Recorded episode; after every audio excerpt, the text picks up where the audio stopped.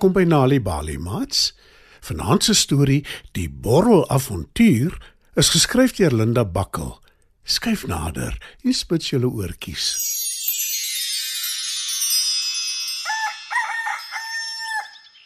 Dis vroegoggend en die son het pas sy kop uitgesteek toe Talita opgewonde uit haar bed uitspring.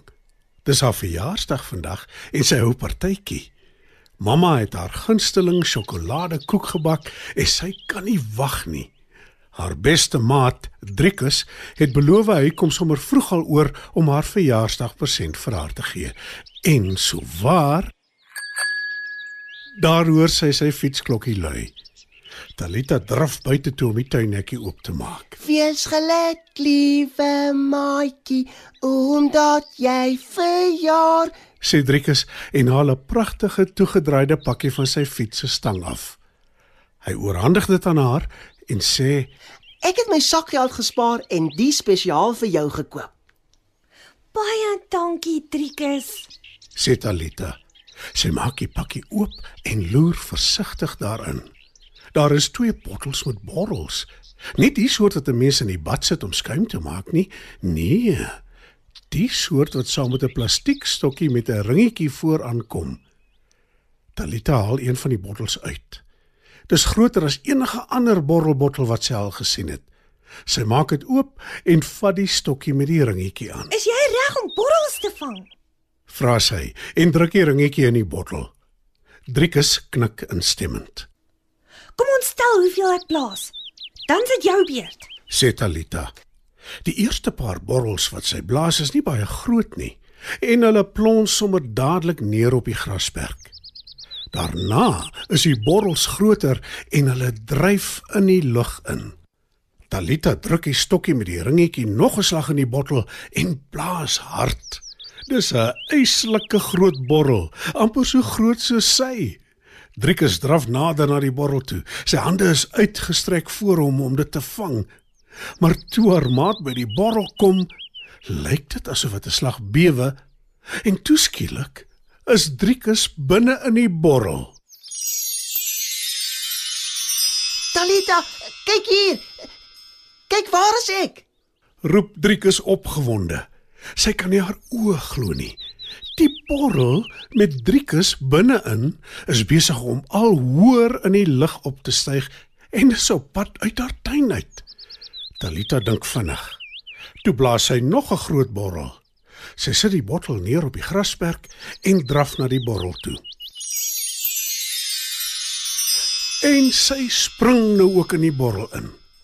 Die twee beweeg hoër en hoër op in die lug totdat Talita se huis naderhand so klein soos 'n pophuis lyk in die verte. 'n Ligte wind stoot die twee borrels al verder weg van hulle dorpie af en binnekort hang hulle oor 'n wildtuin net buite hulle dorpie. Talita en Driekus kan kilometers ver sien. Deur onder hulle is daar 'n trop rooi bokke wat aan die groen gras wy. Talita kyk opgewonde toe hoe hulle swierige spronge in die lug maak. Mens noem dit pronk. Sê Driekus, wie se pa 'n wildbewaarder is. Vir my lyk hulle sommer net laf. Roep Talita. Driekus knik en glimlag. Toe wys hy in 'n ander rigting en sê Kyk die kameelperde daar aan die ander kant. Talita vergaap haar aan die grasieuse diere met die lang nekke. Kyk net hoe hoog in die lug strek hulle nekke dink sy en sy voel amper asof sy aan die diere kan raak. Sy kan nie onthou wanneer laas sy soveel pret gehad het nie. Maar toeskielik merk sy iets vreemds op. Ver onder hulle op die grond is daar stofwolke en dit lyk asof daar 'n wind opsteek asof uit nêrens nie. Bruin stof styg op in die lug. En nog bruin stof. Talita se borrel beweeg al nader en nader aan die stofwolk. Sy loer om te sien of sy kan uitmaak wat die stofwolk veroorsaak. Talita sien groot grys diere met flappende ore. Hulle lang dun sterte swaai heen en weer. Kyk, Driekus, olifante. Roep sy en wys na die trop onder hulle op die grond in die stofwolk. Driekus se borrel dryf al nader na die trop olifante toe. Een van die eislike groot diere stamp sy groot pote op die grond en nou is daar selfs meer stof. Talita vergaap haar en Driekus verduidelik.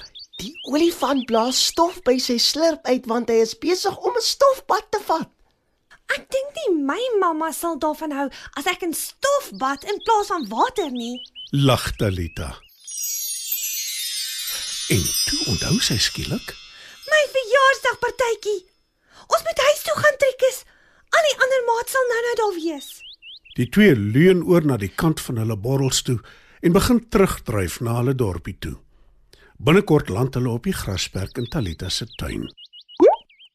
Driekus stamp hard. Sy borrel verdwyn in die gras en Talita sin langs syne. Sy glimlag vir haar beste maat en sê: Dankie, Trikus. Dit was die perfekte verjaarsdagpresent. En Talita bedoel elke woord, want sy het inderdaad nog nooit soveel pret gehad nie.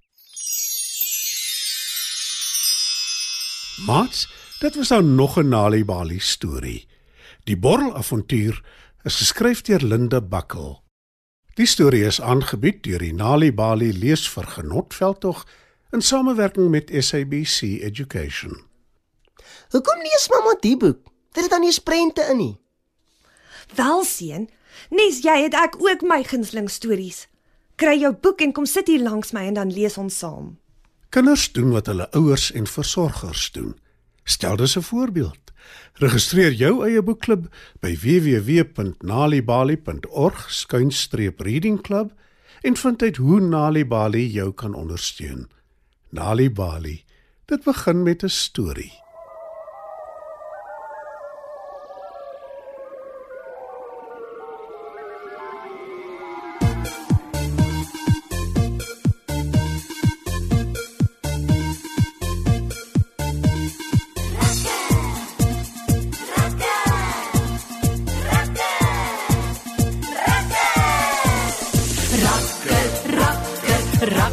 Sy naam. 'n Ruimtewese en soms baie skaam. Hy droom van 'n plek groen en blou en geel en mooi. Van maatjies soos julle wat alles kom voltooi. Rakker, rakker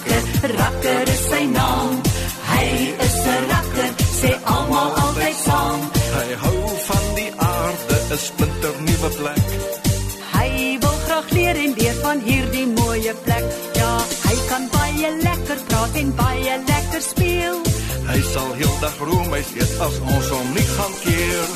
Rakker, rakker, rakker is sy naam. Hy is 'n rakker, sê almal altyd saam. Hy hou van die aarde, 'n splinternuwe plek. Hy wil graag leer en leer van hierdie mooie plek.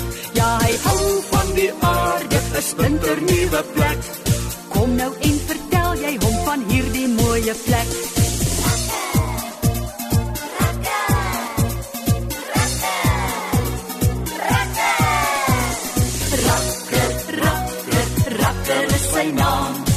'n Ruimtewese